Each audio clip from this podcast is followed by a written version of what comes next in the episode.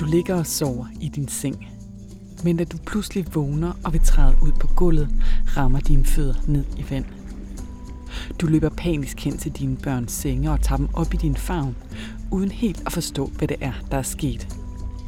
Og så stabler du møblerne, mens du står i vand til brystet. Og endelig kommer hjælpen i form af en båd.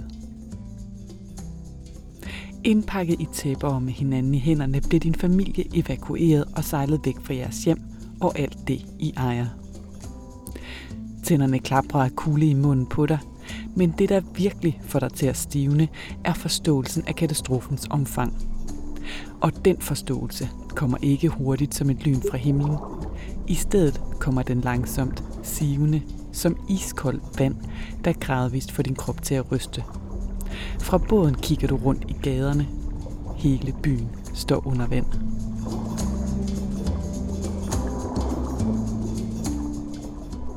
I 1921 rammer en stormflod Randers midt om natten.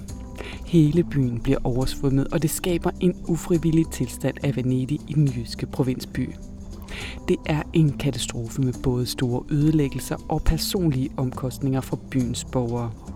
Men stormfloden blev samtidig også kimen til nye tanker om sikring af byen mod vandmasserne.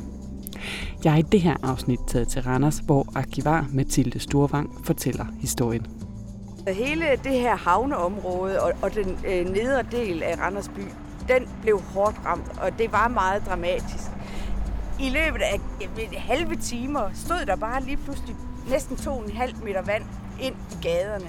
Jeg hedder Lene Grønborg, og du lytter til serien Klima og Katastrofer. Det er en serie, hvor jeg undersøger, hvordan klimaforandringer og naturkatastrofer altid har forandret og påvirket livet for menneskene langs Gudnåen. Og Randers ligger lige der, hvor Gudnåen rammer Randers Fjord og løber videre ud i Kattegat. Og byen har derfor altid været påvirket af vandet. Sådan var det også tilbage i 1921, hvor byen Randers blev ramt af en voldsom storm og blev dækket af vandmasserne. Og nu er det tid til at gå på opdagelse i byen og se, om vi i dagens Randers kan finde spor af katastrofen tilbage fra 1921. Og vi starter den tur på toget ved Østervold lige midt i byen. Hvis man sådan lige kigger ud over den her plads, som vi står ved, så er det virkelig gråt i dag. Det blæser helt vildt, og det regner også. Så vi sådan krøbet lidt i lag her øh, under sådan et lille halvtag her midt i Randers. Men det her vejr, Mathilde, det passer faktisk egentlig rigtig, rigtig fint til den fortælling, vi skal høre i dag. Hvad er det for en fortælling? Ja, det passer rigtig godt, fordi i dag der skal vi høre øh, historien om stormflodskatastrofen, som ramte Randers i den 24. og 25. oktober i 1921. Og det blev omtalt som det værste i, i mands minde, så øh, den glæder jeg mig til at fortælle jer. Og hvis vi bare lige tager det første af fortællingen, hvad er det så, der sker? Jamen lørdag den 24. oktober 1921, der ramte der en kæmpe stormvejr hen over hele landet, og selvfølgelig også her i Randers.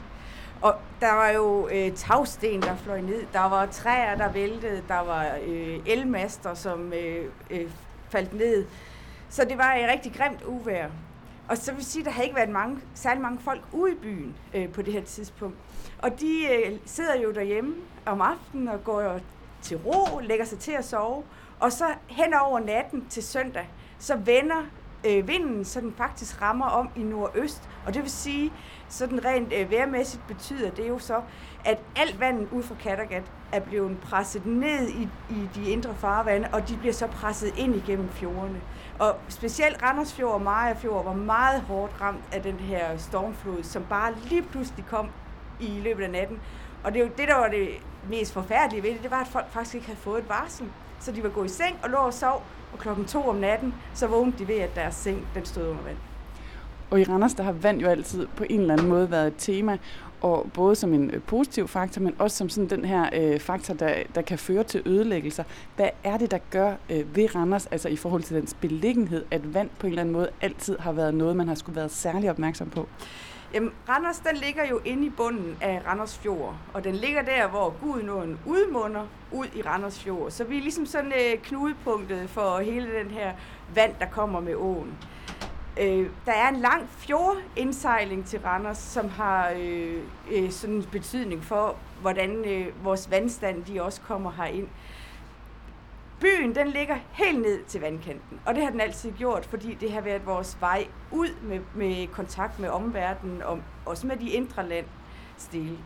Så derfor vil, hvis vandet det ligesom bevæger sig, så vil det altid på en eller anden måde ramme Randers. Og vi skal ud og kigge lidt på, hvordan øh, de, den her oversvømmelse har påvirket byen. Hvilken vej skal vi? Nu synes jeg, vi går ned og kigger ned ved havnen, fordi det var jo selvfølgelig et af de områder, der var værst ramt af stormflodskatastrofen i 21. Let's go.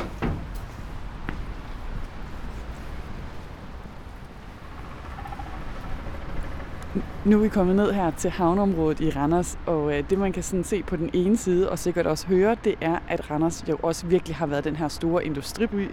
Vi har industri, der ligger på vores venstre side, og men kigger vi til højre, så kigger vi over til øh, jeres street food, øh, noget som også viser, hvordan Randers også i dag er en kultur og en, en by, der, der også har nogle andre ting at byde på hernede, der var det et af de store dramaer i forbindelse med den her oversvømmelse. Hvad skete der hernede? Ja, altså hele det her havneområde og, og den øh, nedre del af Randers by, den blev hårdt ramt, og det var meget dramatisk. I løbet af altså, jamen, halve timer stod der bare lige pludselig næsten 2,5 meter vand ind i gaderne. Og hernede ved havnen, der har vi jo havnebassinet, og så har vi jo havnekajen, og der er jo ikke nogen videre markeringer mellem de to ting. Så lige pludselig så kunne man faktisk ikke se, hvor, hvor havnebassinet startede, og hvor kajen var, fordi det hele bare var oversvømmet. Omkring klokken 1, der kom der en melding ind til politiet, at øh, der var øh, vand øh, oppe i gaderne. Og de begyndte straks at gå ud og ringe på ved huse rundt omkring for at hjælpe folk op af kælderlejligheder og stuelejligheder, viste det sig over senere, man måtte ud og evakuere. Og folk hernede i området, de, de, altså, kælderlejligheder og, og stuelejligheder var oversvømmet. De måtte gå op på første eller anden sal til naboer og få lov at overnatte deroppe. Hernede på havnen, der havde vi så et pakhus. Fire hed det. Og herinde, der boede der, øh, eller der var der øh, indlogeret omkring 100 mennesker i det, der var husvile barak, som simpelthen var en midlertidig øh, foranstaltning, hvor de kunne få lov at overnatte. Og de går i seng og klokken to, så vågner de jo simpelthen ved, at vandet det står øh, to meter op inde i, i stuen. Og øh, der er også rigtig mange børn i det her pakhus, så de begynder at stable møblerne oven på hinanden, for ligesom at holde nogle pladser, der var tørre til børnene, mens forældrene og, og de voksne jo nærmest gik i, i vand til, til brystet. Tre politibetjente i Randers øh, får også opkaldet, at, der er, øh, at det er faktisk en, en truende situation, der udspiller sig hernede. De fik fat i en hestevogn, der måtte komme herned og redde de nødstede, fordi de simpelthen ikke kunne komme ud selv. Men hestevognen kunne ikke komme ned. Den måtte stoppe op i Lorensgade, som ligger lidt længere op i byen, og der kunne de ikke komme videre. Så var de heldigvis fik de fat på havnefoden, som øh, også var nødstedt og ikke kunne komme ud. Øh, og øh, han fik så fat på en fisker, som øh, var indvillet jo selvfølgelig i, at de kunne låne hans motorbåd. Fordi man kunne heller ikke ro herude. Stormen og strømmen var simpelthen for stærk, så du kunne ikke ro øh, ud til, øh, til pakhuset, selvom det jo lå inde midt i byen. De får øh, den her motorbåd spændt med ræb, fire robåde bagefter, og den får de så sejlet ind. Og så kommer kajkanten, hvor motorbåden så ikke kan komme længere. Den må de så ligesom stoppe og så hoppe over i en robåd og stage den ind de par meter, der var ind til pakhuset. Og så blev folk simpelthen reddet ud gennem vinduerne. Og det var jo forkommende og chokeret over det her vand, der bare blev ved med at stige.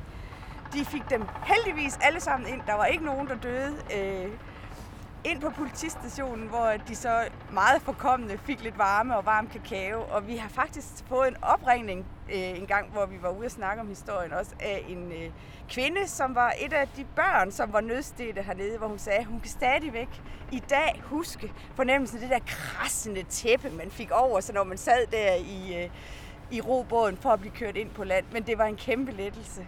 Så det var faktisk lidt dramatisk. Og det, der egentlig også er ved det, det er jo, at når der er vand over det hele, så kan du heller ikke se, hvor du går. Så et er havnebassinet, som man jo nok har en fornemmelse af, hvor er. Men alle kloakdæksler rundt omkring var jo også bare øh, svømmet væk, så du kunne risikere bare at træde ned i et hul, uden at du vidste det. Så det, det, var, øh, det var vildt. Og det er jo netop vildt at tænke på, at det var lige her, hvor vi står. Altså, havde vi været der dengang, så ville vi jo stå i vand til måske op til brystet. Ja, det, det er øh, altså øh, helt vildt. Og det man også ligesom skal tænke på, når man står her i dag, det er jo, at hele havneområdet blev lagt om i 30, hvor vi hævede det to meter. Så det har faktisk været terræn to meter lavere, end det er i dag, og det betyder jo også noget øh, i forhold til, hvor meget vand og hvor meget det egentlig har betydet hernede. Og som du fortæller historien, så lyder det som om, det kom som en fuldstændig ekstremt stor overraskelse for alle i Randers. Havde man ingen mulighed for at forudse, at det her kunne ske? Jamen, øh, det havde man i hvert fald ikke gjort. Og det, jeg tror måske, det har noget at gøre med, at vinden startede med at blæse i vest. Det vil sige, at vandet blæste ud af Randers Fjord. Og så hen over natten, da alle ligger og sover, så skifter den, og så bliver alt vandet bare presset ind igen. Og man havde jo heller ikke på samme måde de her øh, vejrmeldinger, øh, der ligesom var ude. Men vi ved, at ude fra Ubihøj, som er det yderste sted øh, på fjorden, blev der jo telefoneret ind til Randers, at vandet det steg voldsomt. Men det har været, altså det har ikke engang været i løbet af en time, så har det været herinde. Man har simpelthen ikke kunnet nå at, at advare alle. Mathilde, vi skal også lidt op i byen og se et andet sted, hvor vandet det også har været. Vi skal sådan cirka 50-100 meter øh, fra havnekajen her, og så op til den bygning, som tidligere husede Kvægtorvet. Det ligger i dag på adressen Niels Broksgade 8-18. Skal vi gøre det nu? Ja. Ja, men det var godt, jeg tog gummistøvler på. Ja, det var, det var en klog. Nu er vi jo gået et par minutter op i byen, ned fra havnekanten, og vi står op ved det gamle kvægtorv, som øh, lå også sådan 50-100 meter ned fra havnen af. Og heroppe var der altså også vand. Øhm, og da man vågnede, eller efter en meget strapacerende nat, så man har jo ikke fået meget søvn, men da man ligesom fik set, øh, dagslyset kommer, og man fik set, hvad var skaderne, så var det på en eller anden måde fuldstændig uoverskueligt, fordi der var vand langt op i gaderne. Hasundbanen, som har kørt hernede, altså en togbane, var oversvømmet. På den sydsiden har øh, toget ud til Ryomgård, som ligger øh, 700 meter ind i landet, den var skyllet væk. Men i virkeligheden, så kunne man ikke se noget, fordi det lignede et stort, kæmpe hav, der bare var kommet. Og vandet, det lå her. Det begyndte først at trække sig tilbage om natten til mandag, så det, det har været voldsomt. Ja, men efter en meget stressende nat for nogen, hvor der, hvor der var øh, altså fart på med at få reddet folk ud af de her huse, som bare blev ved med at blive oversvømmet, så kom dagslyset, og så kunne man jo ligesom besigtige, hvad er skaderne. Og det man så, det var sådan set et hav. Det jo der føltes som et hav, for der var simpelthen spejlblankt her, helt herinde fra øh, kvægtorvet, hvor vi står, og helt hen til skrænterne, de begynder på Randers Syd, det vil sige 600-700 meter inde i landet. Jeg har endda hørt fortællinger om, at i Allingåbro var der også oversvømmelser på grund af den her stormflod. Det var det blanke vand, der lå. Men oven i det, så havde vandet jo på sin vej ligesom bare skyllet alting med. Så der var drivtømmer, der lå møbler herinde i byen, der lå også rigtig mange kreaturer, som simpelthen var druknet og ikke nåede at komme væk. Så det var en kæmpe katastrofe, og altså alle, der har prøvet at have vand i kælderen, det kan næsten føles uoverskueligt. Og udover de her kreaturer, så var der også en historie med rotterne. Hvad var det for en? Jamen, rotterne, det var jo øh, egentlig noget, som man havde været plaget af hernede i havneområdet, som også var en, en smule, jeg vil ikke sige slum, men det var ældre byggerier, som man havde været plaget af rotter øh, i mange år. Men med den her stormflod, så den eneste gode ting, der måske var at sige om det, det var, at enten så druknede de, eller også så flygtede de jo op i Nordbyen. Så lige pludselig så fik vi øh, besked om, at de faktisk havde fået rotteplager op i Nordbyen. Så kom der lidt godt ud af det. Ja. en af de næste udfordringer, der så opstår for folk, der bor her i Randers under oversvømmelsen, det er, at de skal på arbejde om mandagen, men der er vand over det hele. Hvad sker der? Ja, altså det er også en sjov historie. Fordi selvfølgelig skal man på arbejde om mandagen. Der var et interview med en arbejder, der boede ude i Vorp, som skulle øh, arbejde i Skandia, og han skulle jo krydse over fjorden. Øh, og han sagde, at det som det selvfølgelig skal man på arbejde, hvis der er arbejde at tage. Men der var kun et sted, man kunne komme over øh, øh, Gudenåen eller fjorden i de dage der. Og det var nede ved Sønderbro, altså det der i dag er Randersbro. Men den var jo også oversvømmet. Og der kunne, øh, du kunne ikke gå eller, eller øh, hvad det hedder, cykle over. Du kunne tage en hestevogn, og så kunne du sejle.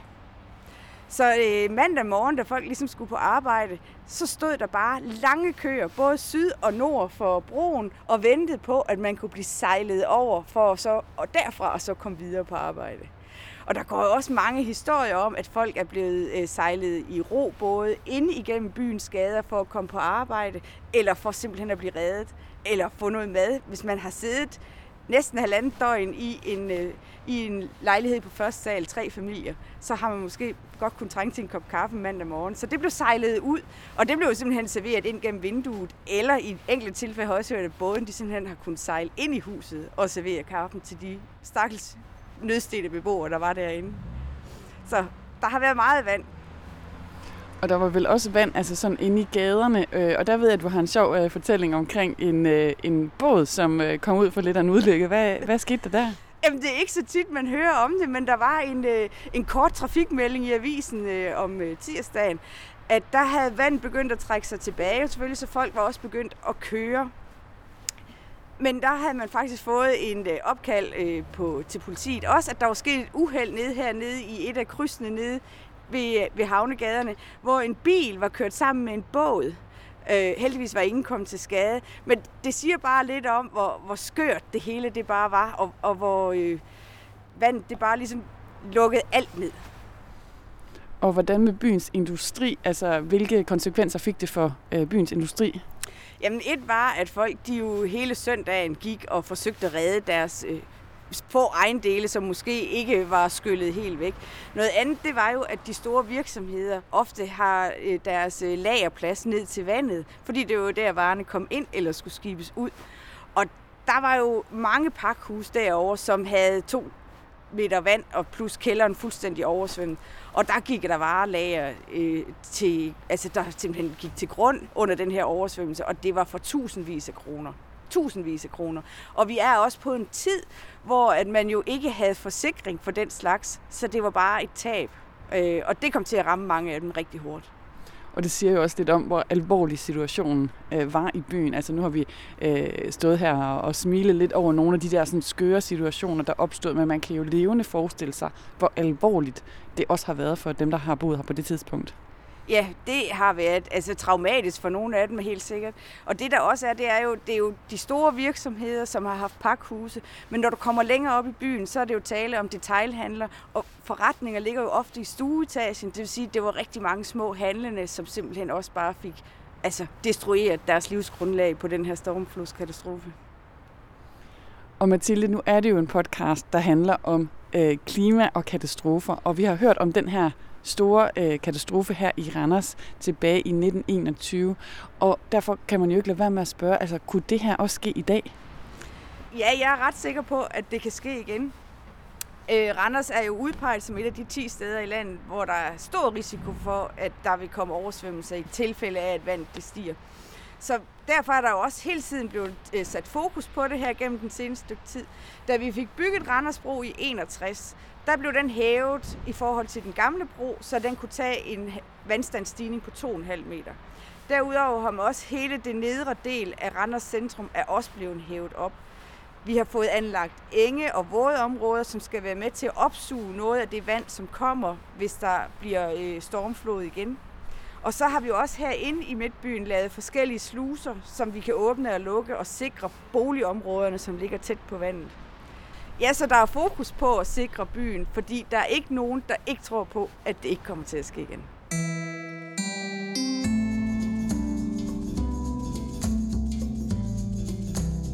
Men forhåbentlig kommer det ikke til at gå helt så galt, når vandet rammer Randers næste gang.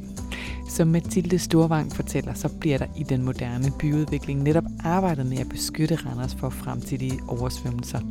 Så for at slutte der, hvor vi begyndte, er der blandt andet blevet etableret et regnvandsbassin på Østervold, som udover at opsamle regnvand også giver et rekreativt område midt i centrum af byen. Og fremtidens byplanlægning går netop ud på at skabe bassiner og områder, som kan tåle at blive oversvømmet.